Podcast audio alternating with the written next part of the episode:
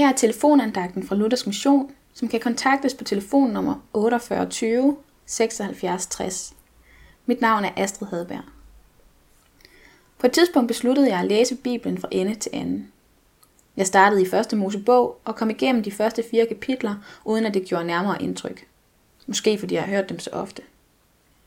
Men så nåede jeg til det femte kapitel. Kapitlet har overskriften Adams slægt, og er en lang opremsning af Adams slægtsbog.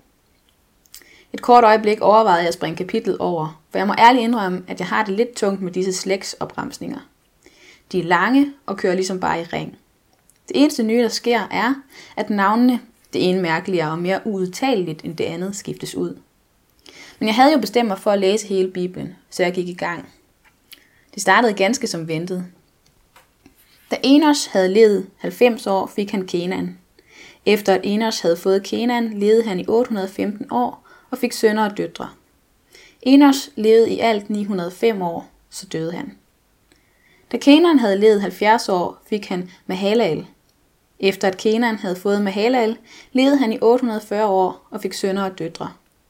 Kenan levede i alt 910 år, så døde han. Da Mahalal havde levet 65 år, og så videre og så videre. Men da jeg nåede vers 21-22, skete der noget.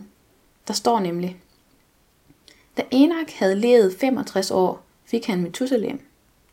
Efter at Enak havde fået Methusalem, vandrede han i 300 år med Gud og fik sønner og døtre. Enak levede i alt 365 år. Han vandrede med Gud. Så var han der ikke mere, for Gud havde taget ham bort. Disse vers blev på en eller anden måde en bræt opvågning for mig. Slægtsbogen havde været fyldt med navne, det ene efter det andet, og pludselig var Enoch der. Det er en fantastisk beskrivelse af Enoch. Tænk at blive omtalt som den, der vandrede med Gud. Min bøn og mit håb er, at du og jeg ikke bare må være navne i rækken af navne, men at vi må være enokker om hvem der står, og de vandrede med Gud.